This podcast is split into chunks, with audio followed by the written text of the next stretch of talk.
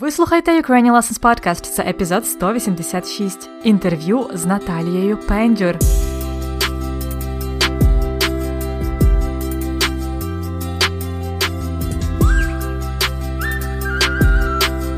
Привіт-привіт! Це Анна Огойко з подкастом Уроки української. І сьогодні в нас епізод інтерв'ю.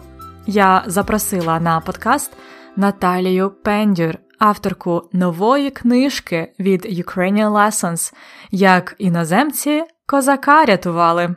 Це книжка простою українською мовою, написана спеціально для тих, хто вивчає українську.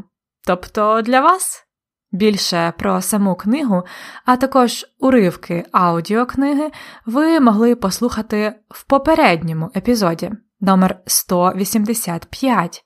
А зараз пропоную переходити прямо до інтерв'ю. Готові познайомитися з Наталкою? Вітаю! Сьогодні у нас в гостях Наталія Пендюр, авторка нашої нової книги простою українською мовою, як іноземці козака рятували. Вітаю тебе на подкасті, Наталко. Привіт, Аню, і привіт усім, хто вивчає і хто любить українську мову так само, як її люблю я. Дуже хочу тобі подякувати, Наталко, за твій час і взагалі за всю твою безцінну роботу над е, проєктом. Сподіваюся, книжечка розлетиться по різних різних країнах і її прочитають багато іноземців. Я теж на це сподіваюся і теж тобі дякую за співпрацю. Це було дуже весело. Я думаю, нашим слухачам було б е, цікаво послухати твою історію, трошки ближче познайомитись з тобою. Розкажи трошки про себе. Добре, Анню. Я народилася у Києві, і більшість свого життя я прожила у цьому місті. Е, коли я була ще зовсім малою, то я дуже любила вигадувати різні історії і малювати історії.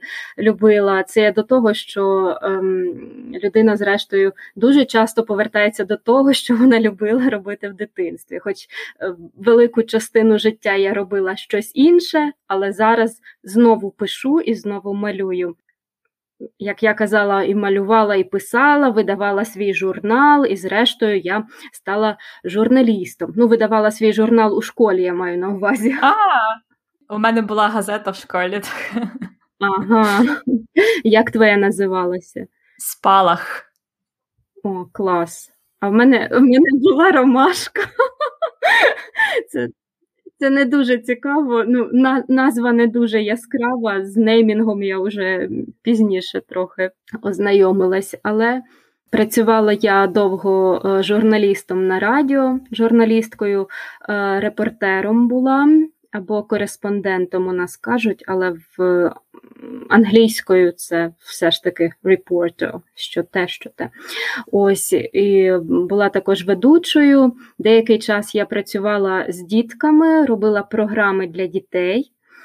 Ось, і потім а, настав такий момент, коли мені стала дуже дуже дуже цікавою мова як вона працює, яка в мови структура, як різні мови між собою переплетені, як вони пов'язані.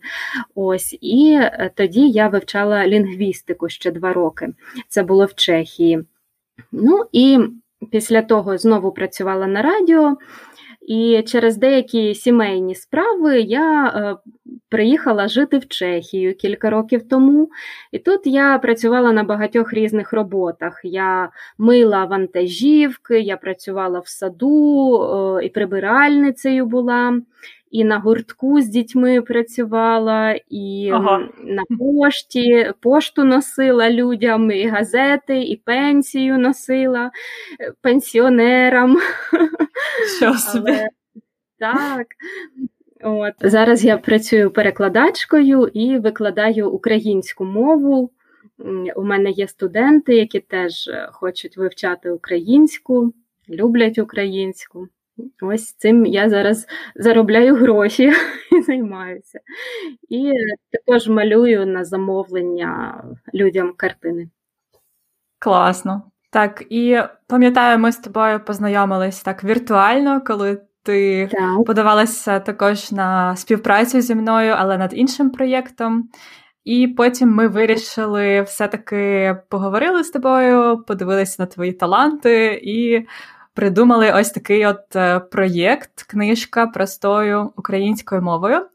І тоді у мене була сама ідея написати книжку, але не було, в принципі, ідей сюжетів. І я тобі запропонувала вигадати сюжет. Чому саме ця історія про іноземців, е, які в Україні працюють з землею в селі, потім там трошки є магії. Я розповідала вже історію в попередньому епізоді, тому наші mm-hmm. слухачі в курсі. Розкажи, що тебе надихнуло на цю історію? Ну, іноді кажуть письменникам: пишіть те, що ви знаєте. Або ще іноді кажуть, пишіть е, про те, про що ви хочете дізнатися. Ну, В цьому випадку я писала про те, про що я знаю. Я написала ем, ну, про багато усіляких таких е, штук, багато пригод, які ставалися зі мною. Е, тому що я теж е, багато часу провела у селі. У мене були дві бабусі у селах, і досі вони є. І, звичайно, я працювала і на городі і ем, була в селі, скажімо, робила все, що там треба робити. Звичайно, за мною не бігали бандити, не хотіли в мене щось викрасти, але майже все інше було.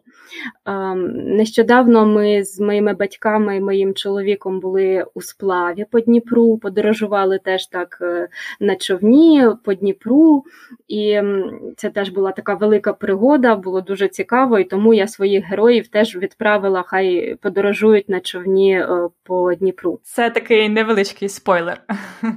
Mm, так, а ще спойлер один, що там вони е, подорожують по різних козацьких місцях, по місцях, де козаки були. І е, тут теж такий спойлер, що е, колись, е, ну, ще на першому, здається, курсі ми з друзями вирішили в козацькі місця поїхати в похід. Ну, Ми так і зробили, поїхали в похід. І я пам'ятаю, як ми дуже довго йшли вздовж Тясмина Е, ось мої герої теж там на Тясмені, біля Тясмина подорожують. Ем, ми йшли від Тясмина до Суботова, прийшли в Суботів. Це все було дуже довго, нам було дуже спекотно. Е, ми там зустріли якусь бабусю, питаємо, скільки ще до того Суботова йти. Вона каже: Та ось уже, уже там трошки. Ми йдемо, Боже, і це так довго, так виснажливо і, і жарко нам було. Нарешті ми прийшли до того Суботова, там ми бачили ту церкву, ем, про яку є у книжці. Ось, лягли спати там десь просто неба під якоюсь старою хатою, там було стільки комарів. Коротше кажучи, це все. Е, ну, Я теж побувала в Суботові, була в тих місцях, і про це я теж писала. Бо, чесно кажучи, коли я читала твої тексти, то це справді переносило мене в ті місця, і я відчувала, що хтось проживав ці події. Насправді це не просто вигадка. Так і було. Ну і стосовно городу, роботи на городі, то це теж велика частина мого життя. Не знаю, в тебе теж так було? Так, так. так? Хоча в нас не дуже великий город, але як садити, копати картоплю, часник, цибуля, кабачки, помідори це все мені знайомо. Ну, ось. Тому ще такий мікроспойлер. Беатріс, головна героїня, там сапає часник, а сапати часник дуже складно. От якщо, е, шановні слухачі, захочете ви. Е, такий екстрім-тур собі зробити по українських селах, то можете попробувати е, полоти або сапати часник, цибулю, або там приїдьте, коли люди копають картоплю. Або садять картоплю, допоможіть комусь. Я думаю, вас е, вам радо влаштують такий зелений туризм. Це це цікава ідея придумати такий проєкт е, обміну або міжнародної співпраці. Я думаю, що деякі українці, хто має город, так е, зрадіють такій співпраці. А цікаво, мені ще було про героїв. Вони такі дуже яскраві, мають е, певні характеристики. Чи були в тебе якісь? Прототипи, наприклад, е, Беатріс, Брайана чи бабусі, дідуся. У мене був справжній прототип Брайана. Колись я побачила сюжет на телебаченні про Брайана, хлопця американського, який приїхав е, з Америки, з Лос-Анджелеса до українського села, називається Христинівка. Теж це село було на Черкащині, як і село, в якому події відбуваються у книжці. І ось цей Брайан е, вчив е, дітей у Христинівці англійської мови. І він став прототипом Брайана, який там у книжці діє. Він теж весь такий чорнобровий, такий е, засмаглий, як і герой. Щодо Беатріс, то я її придумала. А ось Галя і Петро так насправді звали моїх е, дідуся і бабусю. Дідуся вже немає, бабуся є. Ось і мій дідусь е, справді дуже любив читати книжки різні і читати вголос. І бувало таке, що хтось про щось спитає, а він розгортає книжку і читає, що там так і так, тут написано таке і таке. Ось. І він трішки нагадує діда Петра із книжки. Ну, а всіх решту я придумала. Хіба що кури, кури справжні. Також е, ти художниця. Е, розкажи трошки про це, що ти малюєш, які техніки використовуєш. У книжці є твої ілюстрації, тому я думаю, слухачам буде цікаво почути про це. Справді у книжці є мої ілюстрації, але е, я не дуже довго займаюся ілюстрацією. Ця от книжка це якраз був для мене такий стимул е, почати займатися цифровою ілюстрацією. Це було дуже весело, дуже цікаво, і це було для мене класне тренування. І зараз я це теж роблю і далі, але зараз поки що так для розваги більше. Хоча я мрію зробити, ну і планую зробити великий комікс. О, клас. Так. А, Взагалі я е, працюю в олійному живописі і теж використовую суху пастель. Але здебільшого це олійні фарби. Ем, Якщо ти питаєш про техніку, то техніка це у мене така техніка здебільшого експресивна, це е, швидкі е, роботи, досить швидкі. Якщо питаєш про мотиви, що саме малюю, то я дуже люблю писати людей. Для мене найцікавіші люди їхні характери, їхні погляди. Ось. І я пишу е, людей в такій більш-менш реалістичній манері, але вони можуть бути в якомусь е, такому казковому середовищі з твариною, або з якимось птахом, або там просто можуть бути наляпані по різному фарби. Ось. Теж я дуже люблю ем, людське тіло, його пластику, от, е, вивчати фігуру, анатомію людини. Це все, по-перше, потрібно для художника. З цим погодиться кожен, хто малює, можливо, з наших е, ну, зі слухачів твоїх. А ще я е, працюю з будівельними фарбами і роблю розпис стін. Це теж дуже весела така і цікава справа, коли в тебе є ціла стіна і її треба розписати. Ось тоді ти у величезних відрах, в таких великих мисках е, мішаєш е, великим ножем або якоюсь великою ложкою фарби. Е, це все такий цікавий магічний процес.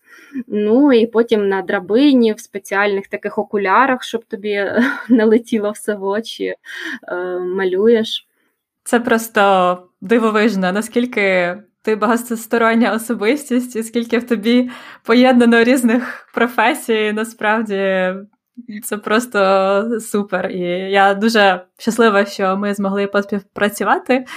І Дуже дякую тобі ще раз, Наталко, за інтерв'ю. Я думаю, що слухачам було справді цікаво познайомитись з тобою, почути тебе. А якщо їм буде цікаво тобі написати, можливо, запитати про портрет чи про уроки української, як е, з тобою можна зв'язатися? Е, зі мною дуже легко зв'язатися через Фейсбук. У мене відкритий профіль, і якщо ви зайдете на мою сторінку, ви зможете там побачити, по-перше, посилання на мій ем, артблог, це Фейсбук-сторінка присвячена живопису. І на мої сайти, там, де є літературна творчість, якщо ви захочете щось почитати, якісь оповідання, чи казки, чи вірші. А ще є е, сайти, де ви можете подивитись на на картини, малюнки. У Фейсбуці ви просто набираєте facebook.com slash і далі natalia.pendiur. Я залишу посилання на сторінку Наталки і також на її арт-блог, а також на імейл про всяк випадок е, на сторінці цього епізоду це ukrainianlessons.com, риска, епізод 186. Дякую тобі, Наталко, ще раз. Е, дякую, Аню, і я сподіваюся, що твої слухачі будуть читати книжку з задоволенням, що їм буде цікаво і смішно. Всього найкращого тобі. Тобі теж.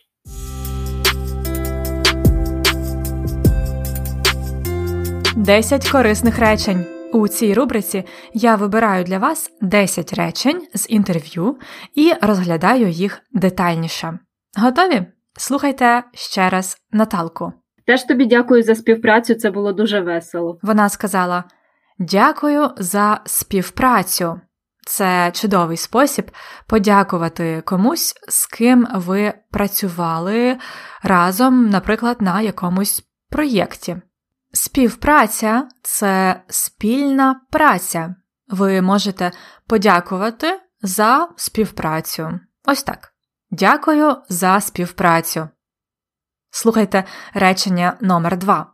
То я дуже любила вигадувати різні історії і малювати. Наталка дуже любила вигадувати різні історії. Вигадувати це придумувати, тобто те, що ми робимо в креативному процесі. Я, наприклад, постійно вигадую щось цікавеньке для подкастів.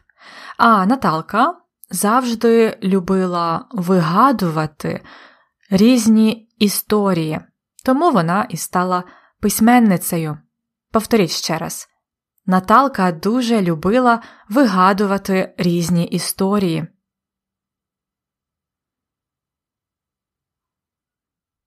Далі речення номер три. Це не дуже цікаво. Ну, на, назва не дуже яскрава. Назва Ромашка не дуже яскрава. Принаймні так думає Наталія. Вона гадає, що назва її газети в школі Ромашка не дуже яскрава, тобто не дуже цікава.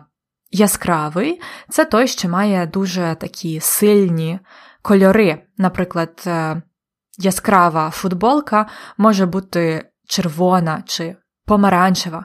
А також ми вживаємо прикметник яскравий у переносному значенні, як цікавий, або, навпаки, не яскравий це не дуже цікавий. Повторіть ще раз речення Наталки. Назва Ромашка не дуже яскрава. Наступне речення. Ось цим я зараз заробляю гроші і займаюся. Ось цим я зараз заробляю гроші і займаюся. Заробляти гроші чимось і займатися також чимось. Усі ці дієслова вимагають орудного відмінка, а орудний відмінок від слова це буде цим. Тому ось цим я зараз заробляю гроші і займаюся, тобто викладанням української мови. This is what I do to make money. Ось цим я заробляю гроші. This is what I do. Ось цим я займаюся. Повторіть ще раз повне речення Наталки. Ось цим я зараз заробляю гроші і займаюся. Далі. І також малюю на замовлення людям картини. Наталка малює на замовлення картини або малює картини на замовлення. Також можна, наприклад, е, пекти торти на замовлення, це дуже популярно в Україні, або виготовляти щось, наприклад, меблі на замовлення. Йдеться про невеличкий бізнес, коли люди щось замовляють у вас, а ви робите це на замовлення. Повторюйте за мною. Наталка малює на замовлення картини. Наступне речення. Нещодавно ми з моїми батьками і моїм чоловіком були у сплаві по Дніпру. Нещодавно ми були у сплаві по Дніпру.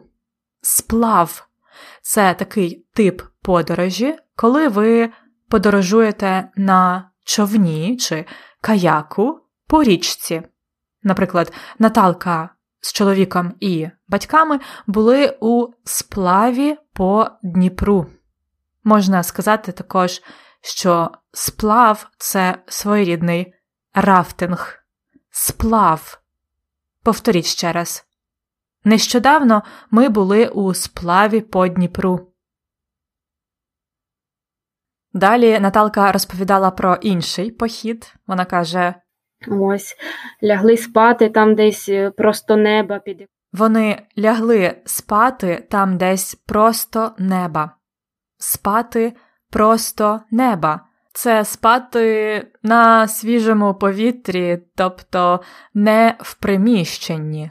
Бути просто неба це під небом, не в приміщенні. В Україні хіба що влітку можна спати просто неба. Вони лягли спати там десь просто неба. Повторіть. Вони лягли спати там десь просто неба.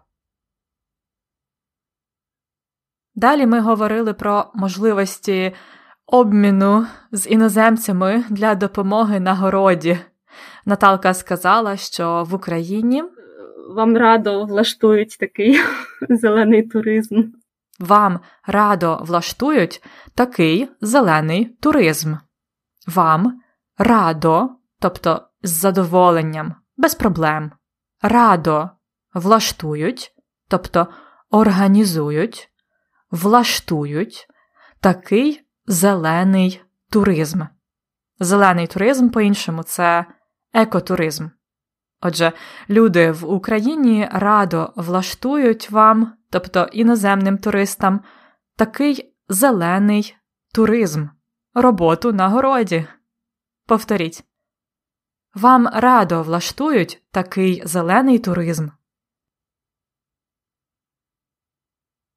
Далі Наталка розповідала про себе як художницю. Вона сказала: Книжка це якраз був для мене такий стимул е, почати займатися цифровою ілюстрацією.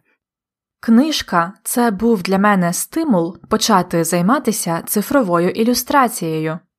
Книжка, тобто та, яку Наталка написала для Ukrainian Lessons, це був для неї стимул або мотивація почати займатися цифровою ілюстрацією, тобто digital illustration, цифровою ілюстрацією.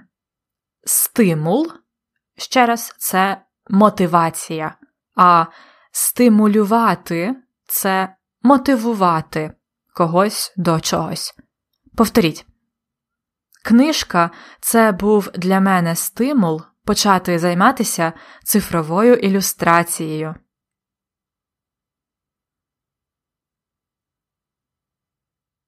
І останнє речення сказала я наприкінці. Це просто дивовижно, наскільки ти багатостороння особистість. Це просто дивовижно, наскільки ти багатостороння особистість. Це просто дивовижно, тобто неймовірно, фантастично. Це просто дивовижно, наскільки ти багатостороння особистість.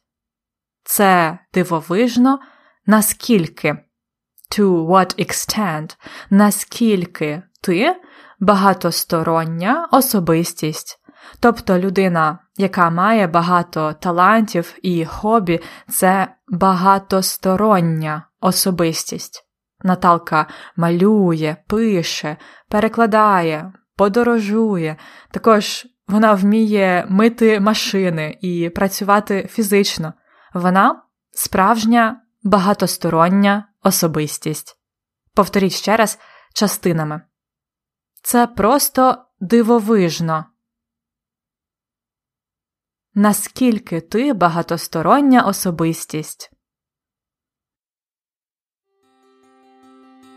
Сподіваюся, вам сподобалось сьогоднішнє інтерв'ю. На мою думку, воно вийшло досить веселе, як і сама книжка Наталії Пендюр і Ukrainian Lessons. Нагадаю, що ви вже можете замовити собі друковану або електронну книгу на сторінці ukrainianlessons.com риска Kazakh ukrainianlessons.com slash Kazakh with double S. А всі посилання про Наталію Пендюр, її профіль, блог і контакти я залишу на сторінці цього епізоду ukrainianlessons.com риска епізод 186. Там також ви можете дізнатися про нашу преміум підписку, яка дає доступ до транскриптів і вправ до цих епізодів. ukrainianlessons.com slash episode 186. А в мене все на сьогодні. Бажаю вам гарного дня чи вечора. До наступного епізоду!